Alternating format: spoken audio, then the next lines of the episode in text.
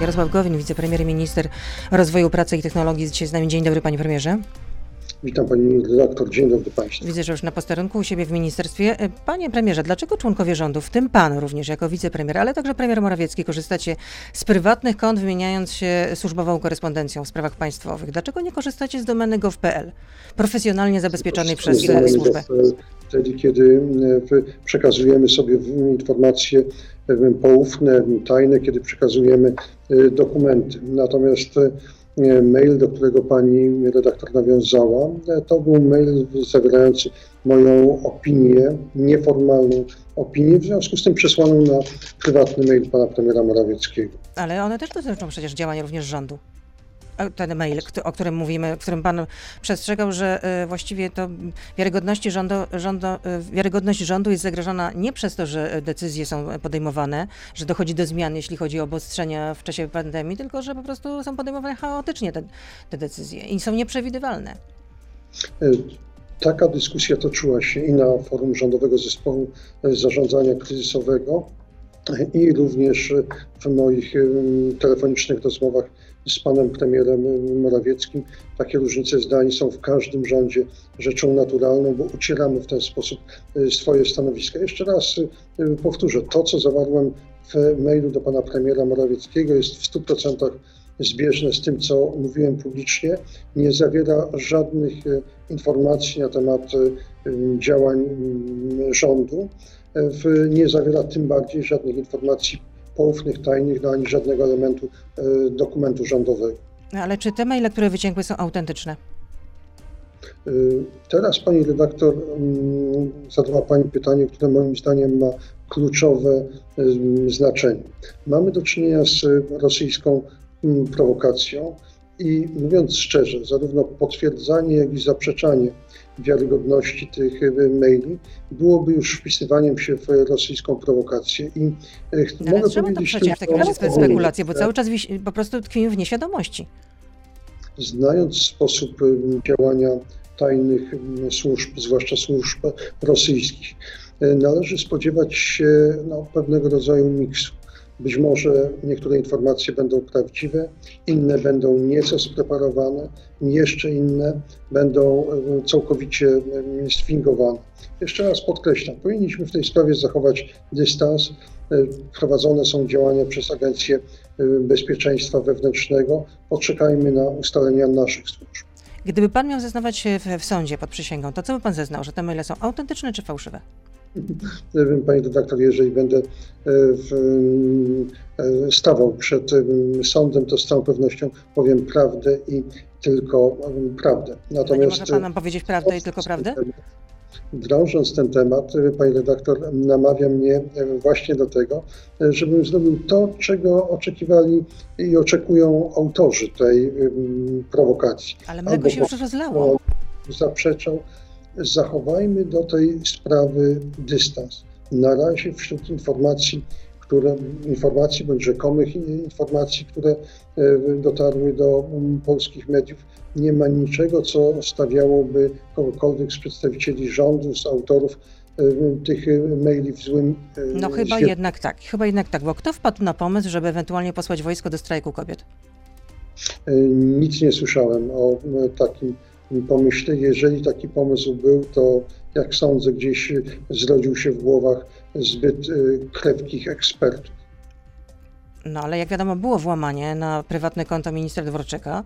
No i y, przecież minister Dworczyk miał przed tym przestrzegać, że użycie wojska rodzi liczne ryzyka prowokacji, oskarżeń, ogromnych strat wizerunkowych dla, dla rządu, wojska, budzi skrajnie negatywne skojarzenia. Znowu pani redaktor w, zakłada, że te maile są mm, prawdziwe. Ja takiego założenia czynić nie mogę i nie chcę. Natomiast no jak czytam ten mail, to raczej to tak wygląda na licencję poetyka pana, e, poetyka pana ministra Dworczyka. Niezależnie od tego, czy ten mail jest prawdziwy, czy nieprawdziwy, to na forum rządowym, a już na pewno nie z moim udziałem, nigdy nie, nie był rozważany pomysł użycia e, Wojsk Obrony Terytorialnej. Ale czy to nie jest y, jednak y, zbyt daleko idąca niefrasobliwość z Waszej strony, żeby takimi, takie maile posyłać sobie z prywatnych kont?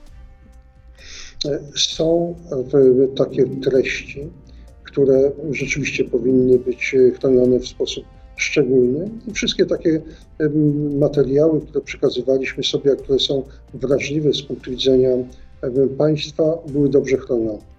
No, dodam jeszcze, że jeśli chodzi o to wojsko, ewentualnie jak to miało być wysłane do strajku kobiet, to na początku grudnia prasa o tym pisała, Dziennik Gazeta Prawna, że w PiSie rozważano taki pomysł, żeby wysłać terytorialsów, czyli Wojska Obrony Terytorialnej na strajk kobiet, no ale pomysł upadł jako zbyt jednak ryzykowny.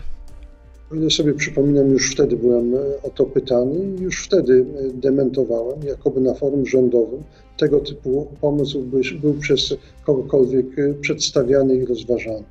A nie obawia się, że, pan ta, że ta afera z wyciekiem maili członków rządu może być tym samym, czym dla Platformy były nielegalne podsłuchy z restauracji Sowa i Przyjaciele? Jeszcze raz podkreślam, że w tych mailach, które do tej pory ujrzały światło dzienne, przy założeniu, że są, jak mówią to prawnicy, oparte na prawdzie, że nie są y, zmanipulowane albo całkowicie y, sfingowane. Nie, nie ma niczego, co kogokolwiek z przedstawicieli rządu stawiałoby w złym świetle. No dobrze, ale nie może pan w 100% powiedzieć, że one są sfingowane, sfalsyfikowane. Jeszcze raz bym pani redaktor mm, podkreślił, to już chyba e, trzeci raz. Bo to jest akurat, jak sam pan zauważył, to jest kluczowe. Prawdziwości bądź nieprawdziwości tych maili. Niech działają odpowiednie instytucje państwowe i to one tę sprawę wyjaśnią. No może być jeszcze gorzej, jak przestrzega na łamach faktu Janusz Kaczmarek, były szef MSW, że rząd może być szantażowany w ten sposób. Oczywiście tego typu działania ze strony zagranicznych służb zawsze są możliwe. Natomiast nie ma najmniejszych podstaw do tego, żeby sugerować, że jakiekolwiek działania ze strony któregokolwiek z ministrów są efektem ulegania szantażowi. Takie tęgie głowy w, w rządzie, a taka niefrasobliwość. A czy Jarosław Kaczyński odejdzie z rządu? To nie jest pytanie do mnie. E, nigdy Jarosław Kaczyński, pan premier Kaczyński nie wspominał mi o takich planach.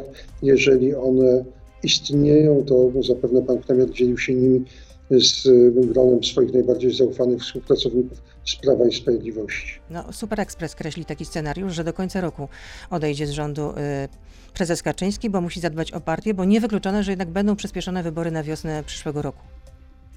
Ja takiej wiedzy nie mam.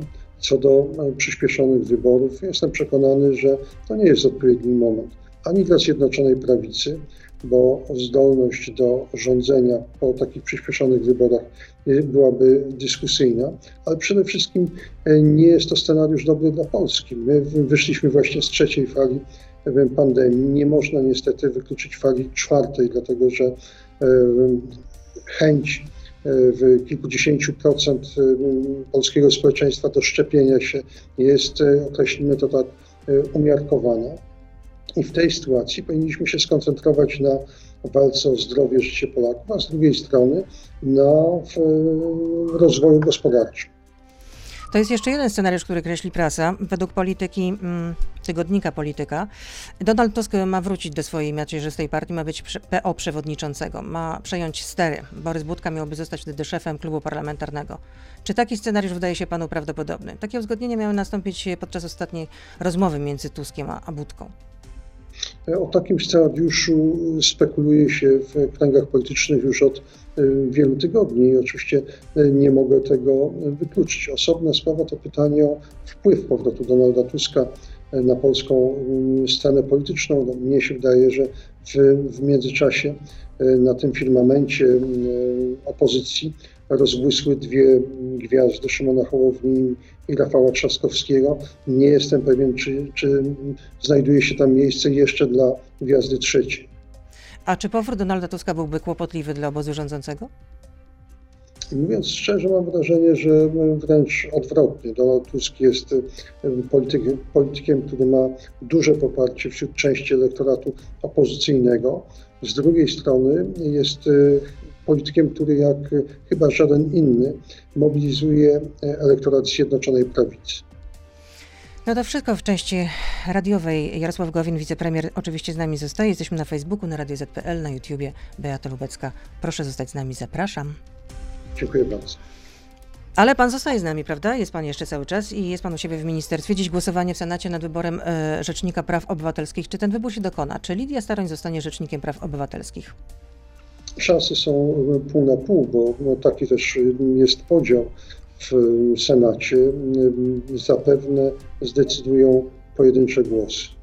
No, mogą zdecydować głosy senatorów z porozumienia. To co pan doradzał swoim kolegom e, Tadeuszowi Kopciowi i Józefowi Zającowi? Co im pan rekomendował? Senatorowie mają w tej sprawie wolną rękę. Czym innym było głosowanie w Sejmie, gdzie mieliśmy do czynienia z dwiema kandydaturami. Obiema, jak mówiłem, e, dobrymi. Poparliśmy kandydata lepszego, nawet w mojej ocenie wyraźnie lepszego, czyli pana profesora Marcina Wiącka, no ale w Senacie tak naprawdę głosujemy albo za panią senator Lidią Starą, albo za kimś w rodzaju komisarza, kimś, e, kto e, będzie wskazany przez marszałek Sejmu, w, dlatego że wyrok Trybunału Konstytucyjnego jednoznacznie wskazuje, że taka sytuacja, z jaką mamy niestety, mówię to z ubolewaniem, od wielu miesięcy, czyli sytuacja, kiedy ten urząd sprawowany jest przez e, osobę, której kadencja już dawno temu e, wygasła, że to jest sytuacja sprzeczna z duchem i literą Konstytucji. No tak, wszystko się zgadza, tylko że obóz rządzący zachowywał się tak, jakby został zaskoczony tym, że kończy się we wrześniu ubiegłego roku e, kadencja Adama Bodnara i nie mogliście wskazać takiego kandydata, który byłby również do zaakceptowania dla, dla opozycji. Skądinąd tempo jest zawrotne, głosowanie w Sejmie we wtorek, dzisiaj już w Senacie. Ja wskazałem takiego kandydata. Tym kandydatem jest profesor Marcin Wiącek. No to był z kolei nie do akceptacji dla Prawa i Sprawiedliwości. Przy szerzej koalicją polską, natomiast y, no rzeczywiście ten kandydat nie znalazł y, poparcia ani Prawa i Sprawiedliwości, ani Konfederacji, przynajmniej ogromnej większości posłów Konfederacji. W efekcie do drugiej tury, w cudzysłowie, trafiła pani senator Lidia Staroń. No i teraz będzie przed senatorami naprawdę trudny wybór. Senatorowie porozumienia zagłosują zgodnie ze swoim sumieniem i rozeznaniem sytuacji. A co panu podpowiada intuicja, że jaki będzie wynik tego głosowania? Czy nie chce pan się bawić tutaj po prostu we wróżkę?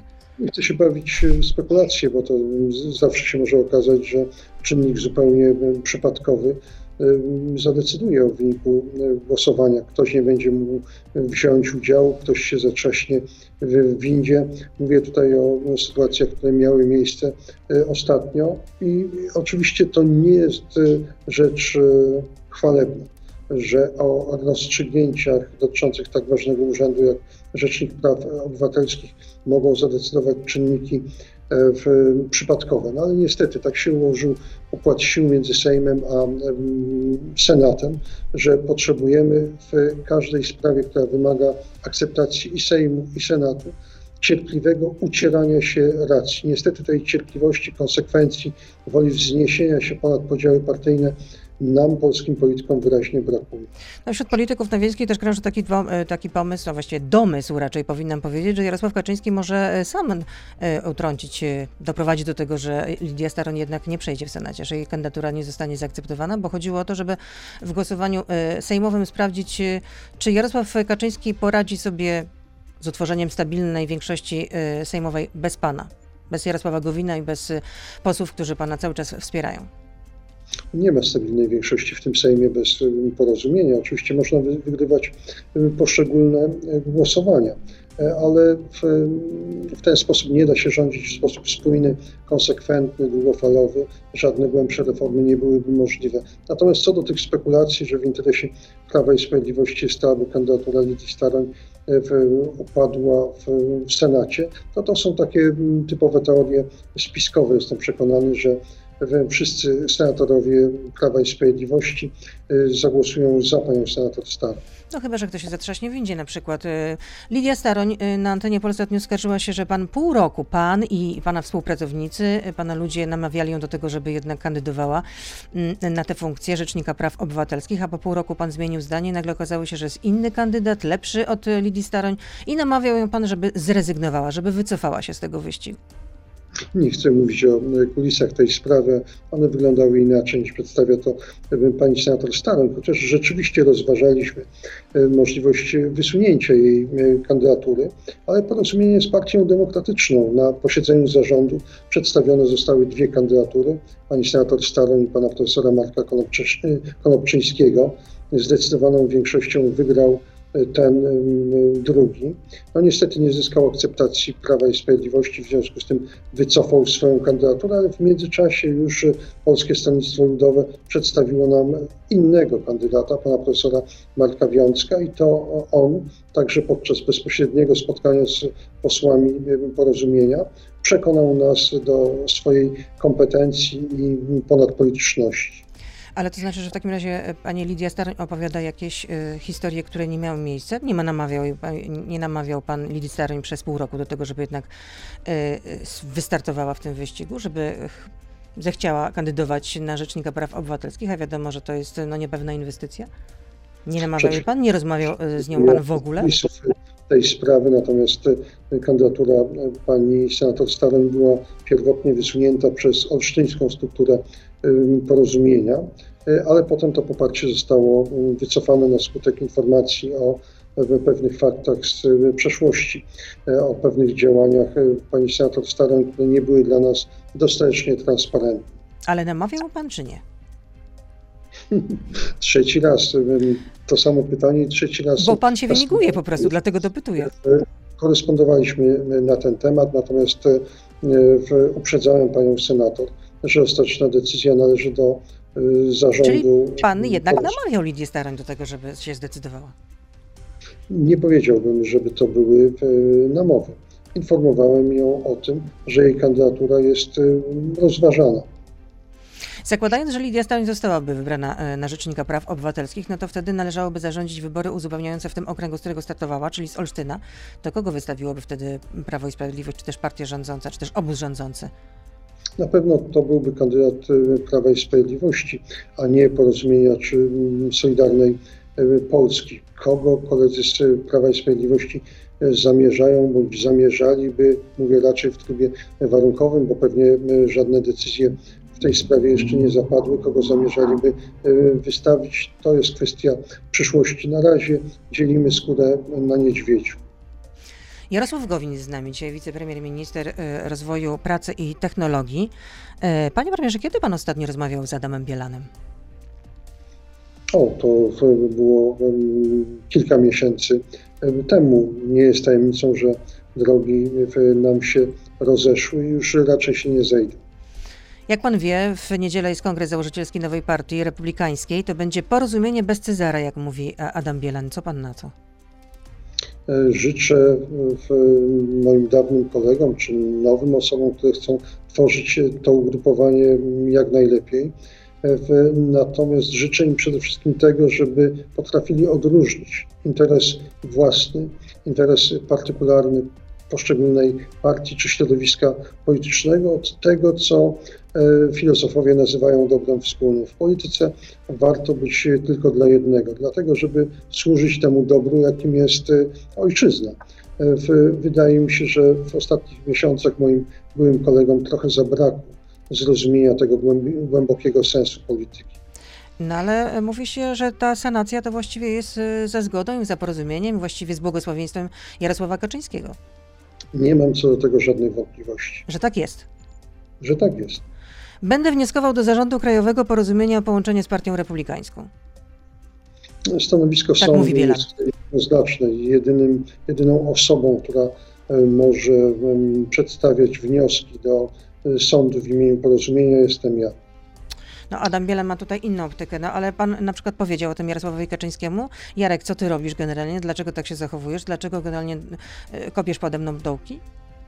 Wszystkim osobom, które maczają palce w działaniach wymierzonych w porozumienie, przedstawiłem moją ocenę sytuacji, ale robiłem to w rozmowach w cztery oczy, czy w jakichś gremiach kierowniczych Zjednoczonej Prawicy. Nie zamierzam tego rozwijać w mediach ale rozumiem, że jednak y, no, wyraził pan swoją opinię, że y, nie jest to panu na rękę, że jest pan niezadowolony, uważa pan za zagranie nie fair.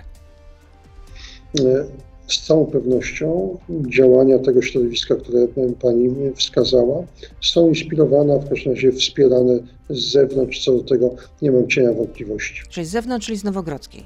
A nie obawia się pan, że, że zostanie zupełnie sam, że opuszczą pana nawet najwierniejsi, że przestanie pan być potrzebny, że w końcu pan wyrzucą z rządu? No te spekulacje słyszę od dawna, tak miało być podczas ostatniego głosowania. No i jakoś okazało się, że mimo wielu, w, delikatnie mówiąc, namów, e, w 11 posłów porozumienia zagłosowało wraz ze mną. Czyli jest pan pewien swoich ludzi, tak? Ich lojalności. Jestem pewien i przy okazji wyborów um, korespondencyjnych rok temu i teraz w sprawie e, RPO ci ludzie zachowali się, moi przyjaciele z porozumienia, zachowali się w sposób e, odważny, szlachetny i bezinteresowny. Jest pytanie od słuchacza. Adam Bielan prowadził przegrane kampanie PiSu w 2007 i w 2011 roku. Zakładał PJM. Porażka. Czy to nie było wystarczająco dużo informacji, żeby unikać Adama Bielana? Nie zamierzam w, dokonywać oceny działalności żadnego polityka, ani tych, ani tego, którzy, ani tych, którzy ze mną współpracują, ani tych, którzy w, no, zawiedli mnie. Nie będę ukrywał, że jest to zawód, ale każdy wybiera własną drogę polityczną i potem odpowiada przed wyborcami i przed własnym sumieniem. Czyli Adam Bielan pana zawiódł? E, są ludzie, którzy rzeczywiście nadużyli zaufania mojego i nadużyli zaufania w wielotysięcznej rzeszy e, działaczy porozumienia. No jest jeszcze jedno pytanie od słuchacza. Czy nie żałuje pan, że kilka miesięcy temu mógł pan sam odejść z rządu i rozdawać kartę, teraz zostanie pan z niego wyrzucony? Tak zakłada ten słuchacz. E, ja nie, nie tyle kilka, co paręnaście miesięcy temu właśnie to zrobiłem. Odszedłem z rządu. A potem pan wrócił. Żeby nie dopuścić do e, przeprowadzenia wyborów, e, których standardy nie licowałyby z zasadami demokratycznego państwa prawa. Udowodniłem w ten sposób, że nie jestem przywiązany do stołka. To, co robię, zarówno będąc w rządzie, jak i wychodząc z rządu, podyktowane jest nie jakąś moją e, chęcią zrobienia kariery czy jakimiś partykularnymi interesami. Ona podyktowana jest tym, jak definiuje interes Polski. Polityka jest sferą złożoną, często wymaga kompromisów, ale równocześnie są sprawy, których ani ja, ani porozumienie na kompromisy nie pójdziemy. Tak było przy okazji wyborów prezydenckich, tak było przy okazji e, groźby weta do budżetu unijnego, tak było w sprawie e, trzydziestokrotności jeżeli sytuacja będzie tego wymagała, będziemy wiedzieli, jak się zachować. Jarosław Gowin jest z nami dzisiaj, wicepremier, ale także minister rozwoju. I właśnie pytam pana jako ministra rozwoju, ponieważ hotelarze czekają na odpowiedź z Ministerstwa Rozwoju.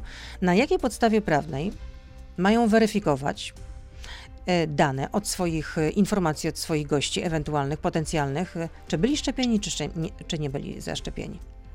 W tej chwili nie ma takich podstaw prawnych. I tutaj ma pani redaktor rację. Jeżeli pytanie zostało skierowane do mojego ministerstwa, to z całą pewnością taka będzie nasza odpowiedź. No to jak w takim razie hotelarze mają kontrolować swoich gości?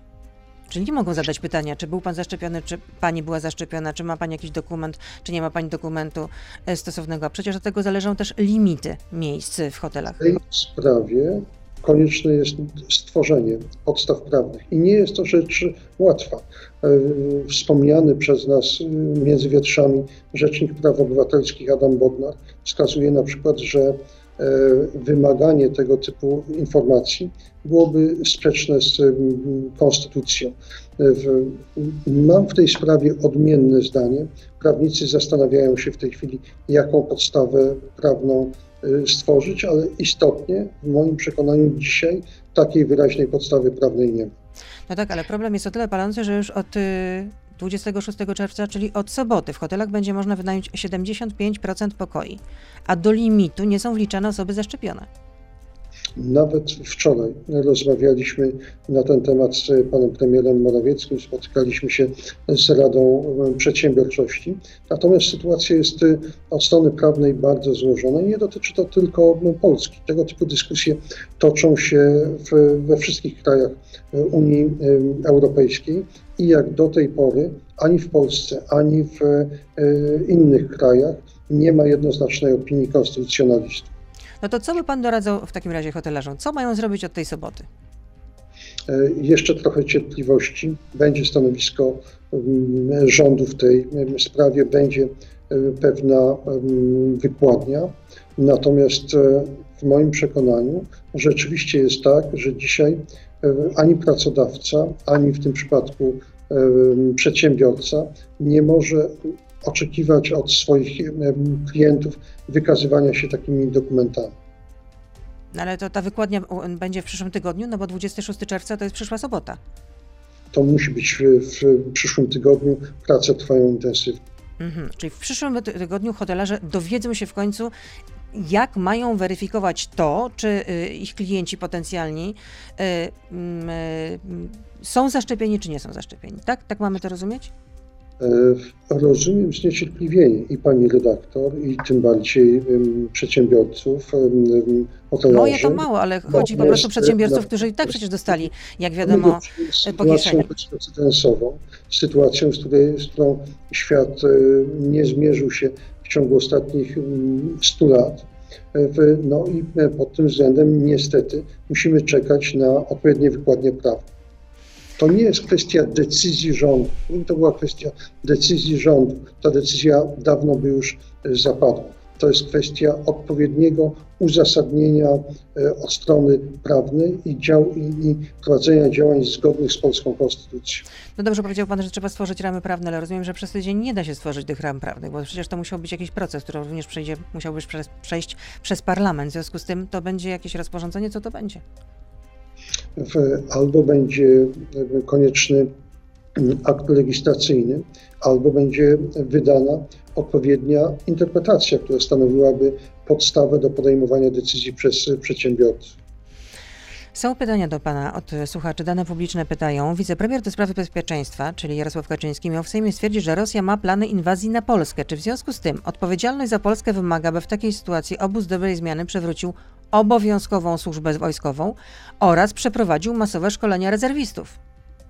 Jarosław Kaczyński wypowiadał się na tajnym posiedzeniu Sejmu i w związku z tym e, nie potwierdza ani nie zaprzecza żadnej treści, która została tam e, sformułowana. Mogę tylko powiedzieć, że nie ma żadnych e, planów przywrócenia powszechnej służby wojskowej. To jest akurat pytanie ode mnie, ponieważ wczoraj pani minister e, z Ministerstwa mm, Rodziny, przepraszam, przedstawiały wstępne propozycje dotyczące no, które mają się przyczynić do tego, żeby rzeczywiście poprawić wskaźniki demograficzne, prodemograficzne, bo okazuje się, że 500 plus, no to jednak nie uczyniło, to nie, nie, nie okazało się tym remedium na to, że Polacy chcieliby się rozmnażać na potęgę. Mm, no i szykuje się y, pakiet zmian w kodeksie y, pracy, między innymi taki, że mm, oprócz tego, że matki będą objęte ochroną y, przed zwolnieniem przez okres do roku po powrocie do pracy z urlopu macierzyńskiego czy też rodzicielskiego, niezależnie od tego, jaki jest ten wymiar czasu pracy, to również taka ochrona będzie obowiązywać ojców, a nawet jeśli to jest mąż, to taka ochrona będzie obowiązywać takiego mężczyznę od momentu, kiedy okaże się, że żona jest w ciąży. Czy te rozwiązania były z Panem konsultowane?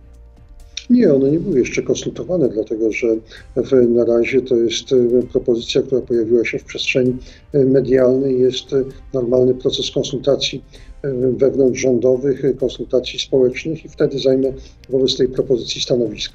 No ale tak na pierwszy wizus, to ta propozycja panu się podoba czy nie podoba? Ja jestem ministrem odpowiedzialnym za gospodarkę i z punktu widzenia przedsiębiorców e, każde dodatkowe usztywnienie i tak bardzo sztywnego polskiego kodeksu pracy e, nie jest rzeczą pożądaną. My w tej chwili powinniśmy chuchać i dmuchać na te małe i średnie polskie firmy. One wytwarzają zdecydowaną większość polskiego PKB.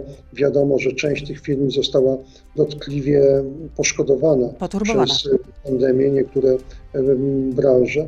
Dlatego wszelkie rozwiązania, które utrudniałyby prowadzenie działalności gospodarczej, muszą być analizowane bardzo, bardzo ostrożnie. Sądzi pan, że będzie duży opór ze strony pracodawców, jeżeli chodzi właśnie o te zmiany?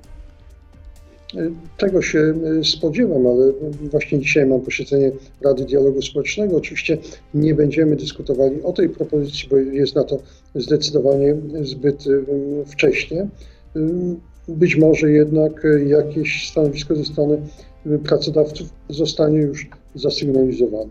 Czyli póki co jest Pan sceptyczny, ale rozumiem, że te rozwiązania Pana zaskoczyły, zaproponowane przez Ministerstwo Rodziny? No nie można powiedzieć, że zaskoczyły pani redaktor, dlatego że zaskoczony byłbym wtedy, gdyby były wcześniej konsultowane, gdybym ja zgłaszał zastrzeżenia, a mimo to zostały przedstawione. Każdy z nas ministrów pracuje nad własnymi obszarami odpowiedzialności i formułujemy tutaj pewne propozycje jeszcze bez wcześniejszego e, uzgadniania tych propozycji z koleżankami, kolegami z rządu. Nie widzę w wystąpieniu pani minister Maląg niczego niewłaściwego w stosunku do mnie czy kogokolwiek z innych ministrów, natomiast o samym sensie wprowadzenia takiego rozwiązania na pewno będziemy długo w rządzie dyskutować. Ale póki co jest pan sceptyczny.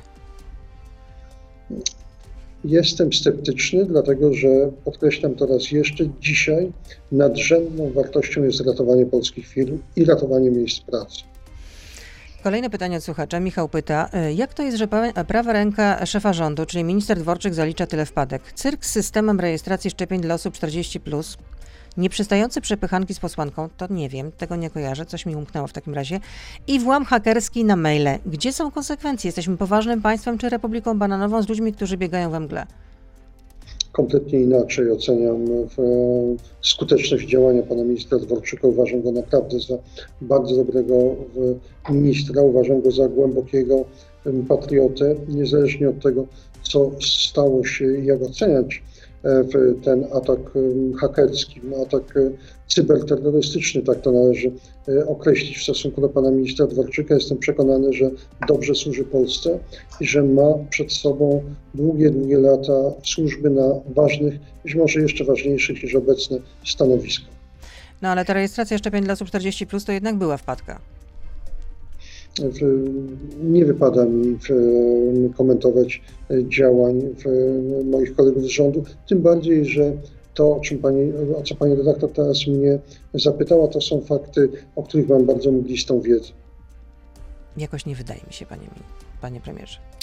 Marcin pyta, czy porozumienie poprzez zmiany w opłacie reprograficznej polegające na dodatkowym opodatkowaniu, yy, nie wiem, czy dobrze przeczytam, czy porozumienie poprzez zmiany w opłacie reprograficznej polegające na dodatkowym opodatkowaniu urządzeń elektronicznych? Analizujemy w tej chwili e, tę sytuację. Co do zasady jesteśmy przeciwni wprowadzaniu e, nowych podatków. Natomiast no, są też argumenty środowisk artystycznych i te argumenty trzeba po, położyć na drugiej szali. Będziemy te szale równoważyć. Paweł, czy y, jest pan takiego samego zdania, że z Platformy Obywatelskiej można wyjść, ale Platforma z człowieka już nie wychodzi? Nie wiem, y, co to pytanie ma y, sugerować. Jeżeli ono dotyczy mnie, to ja nigdy nie zmieniałem poglądów w sprawach kulturowych, obyczajowych. Jestem umiarkowanym konserwatystą przywiązanym do takich wartości jak e, patriotyzm, jak liczna obecność religii, jak e, rodzina w sprawach gospodarczych. Jestem zdecydowanym wolnorynkowcem. Czy boi się pan, że ludzie Kukiza i Bielana dostaną więcej miejsc na listach wyborczych e, niż pana partia? Dzisiaj w ogóle nie zaprzątam sobie uwagi. E, przyszłymi listami wyborczymi. Moim zdaniem najbardziej prawdopodobny scenariusz to wybory w terminie konstytucyjnym, a więc jesień 2023. E, to oznacza, że przed e, Polską przeszło dwa lata rządów Zjednoczonej Prawicy i na tym się powinniśmy koncentrować, żeby te rządy przynosiły jak najwięcej korzyści Polsce i naszemu społeczeństwu. Kto miał, lepszą, kto miał lepszą, silniejszą pozycję w partii? Donald Tusk za najlepszych czasów Platformy Obywatelskiej, czy Jarosław Kaczyński za najlepszych czasów Prawa i Sprawiedliwości? Wydaje mi się, że ta pozycja w jednym i w drugim e, przypadku jest e, porównywalna. I Donald Tusk, i e, Jarosław Kaczyński mają pozycję niekwestion... jeden ma, drugi miał pozycję niekwestionowanych liderów. Proszę sobie przypomnieć wybory na przewodniczącego Platformy. Tylko ja miałem odwagę stanąć w szranki z Donaldem Tuskiem. 20% głosów pan tutaj zebrał. pamiętam, pamiętam. Co pan radzi rodzicom, którzy tak jak pan ze swoim synem mają, macie radykalnie różne poglądy polityczne? Co zrobić, aby to nie wpływało negatywnie na relacje rodzinne? Rozumiem, bo przez chwilę było gorsze nagłośnienie. Rozumiem, że chodzi o poglądy mojego syna. Tak, tak. Tak. W wielu sprawach mamy poglądy zbieżne. E, a poza tym w najważniejsze... Ale polityczne chyba niekoniecznie. Jest nie to, jakie się ma poglądy polityczne, tylko najważniejsza jest miłość, wzajemny szacunek, e, szacunek dla odmienności poglądów. Mogę powiedzieć, że każdemu ojcu życzę takich relacji z synem, czy w ogóle z dziećmi, jakie nie udało się ułożyć. Czyli można powiedzieć, że różnice w poglądach politycznych nie wpływają na Państwa relacje i że one są bardzo, e, bardzo żywe, dobre, no tak jak w kochającej się rodzinie. Bardzo często jest tak, że wymieniamy się na bieżąco jakimiś uwagami na temat e, sytuacji politycznej. Czasami scenie jest wobec moich działań e, krytyczny, czasami przyjmuję je z aprobatą w, w jednym i w drugim przypadku ma prawo do swoich poglądów. To jest podstawowa mm, rzecz. Miłość, miłość ojca do dziecka, rodzica do um, dziecka zakłada w sobie wolność. I w takim duchu wolności zawsze starałem się wychowywać moje dzieci. Była kiedyś nawet taka piosenka Stinga If you love somebody, set them free. Zresztą bardzo dobra. Często mówi Pan o klasie średniej. Od jakiej wypłaty według Pana się ona zaczyna? Czy należy do niej mieszkaniec Warszawy zarabiający 7 tysięcy, czy agent nieruchomości, który dzięki pracy mocno premiowej w jednym roku zarobi 30 tysięcy złotych, a w drugim 200 tysięcy złotych, a w trzecim 50 tysięcy złotych? E, kategoria klasy średniej nie jest uzależniona od poziomu zarobków. A od czego? Uzależniona jest od pewnej roli e, społecznej, dlatego do klasy średniej zaliczają się zarówno nauczyciele, którzy zarabiają kilka tysięcy złotych brutto, jak i przedsiębiorcy zarabiający miesięcznie kilkadziesiąt tysięcy. Natomiast dlaczego klasa średnia jest dla mnie tak ważna? Bo to właśnie ona w największym stopniu stoi za sukcesem ostatnich 30 lat Polski i zresztą w każdym społeczeństwie. To klasa średnia jest takim motorem rozwoju motorem w nowych dokonań cywilizacyjnych. Żyjemy w takiej cywilizacji, która wymaga ciągłych innowacji, ciągłego, ciągłej kreatywności i pod tym względem nikt nie zastąpi wspomnianych nauczycieli, naukowców, przedstawicieli wolnych zawodów, specjalistów, inżynierów, menedżerów przemysłu, informatyków czy przedsiębiorców. Czyli raczej e, zawody determinują e, pana, pana zdaniem przynależność e, do do klasy średniej, a właśnie nie tyle determinują, ile wyznaczają przynależność do klasy średniej. I jeszcze Z całą pewnością kryterium przynależności do klasy średniej nie jest kryterium y, poziomu zarobków. I jeszcze jedno pytanie. Parafrazując Franca Maurera z psów.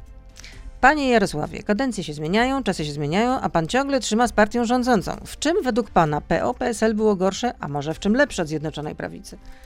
E, że nie wiem skąd bierze się e, taka opinia. Przypomnę, że kiedy odchodziłem z Platformy, Platforma miała prezydenta, premiera, 16 marszałków e, województw, prezydentów w większości dużych miast w Polsce, a sondaże pokazywały, że będzie rządzić przez następną kadencję. Także rok temu, kiedy zrezygnowałem z funkcji wicepremiera, nie miałem wątpliwości, że jeżeli interes Polski tego wymaga, to trzeba opuścić e, nawet naj, najważniejsze, najbardziej wygodne, najbardziej prestiżowe mm, stanowisko. E, tak zachowywałem się w przeszłości. Jeżeli trzeba będzie, będę potrafił zachować się także w przyszłości. To jeszcze ostatnie pytanie, e, ale to już naprawdę ode mnie. Czy Jadwiga Emilewicz wróci do rządu? nic mi na ten temat nie wiadomo. Dobrze, dziękuję za to spotkanie. Jarosław Gowin, wicepremier i minister e, rozwoju, e, rozwoju, technologii i e, pracy. A właściwie powinien być rozwoju, pracy i technologii, tak powinnam powiedzieć. Dziękuję za to spotkanie. Dużo zdrowia życzę oczywiście, Dziękuję. oczywiście nieustająco. Do usłyszenia, do zobaczenia. Kłaniam się, dobrego dnia. Wzajemnie. To był gość Radia Z. Słuchaj codziennie w Radio Z i na player radioz.pl.